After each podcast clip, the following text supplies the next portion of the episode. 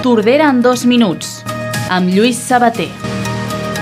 Una jornada on expliquem que Territori triplica els viatges de la línia 601 d'autobús que enllaça Girona amb Tordera. Malgrat això, el nou servei redueix parades al nostre poble i només es mantindrà la parada de la plaça Lluís Companys.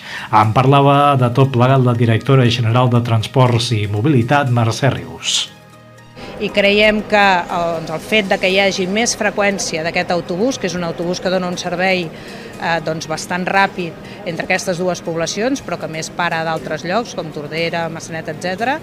Avui també us parlem de l'equip de suport de la cronicitat complexa i atenció pal·liativa pediàtrica de la nostra zona perquè ha atès ja més de 100 famílies en els dos anys de funcionament.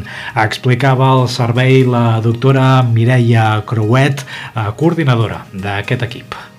És donar una atenció integral eh, multidisciplinar, no? intentant atendre tant la, la dimensió física, com social, com psicològica, com espiritual, de manera que eh, la condició de malaltia no? genera molt, molts problemes o moltes complicacions i moltes necessitats en totes les esferes i poder intentar donar una resposta més global.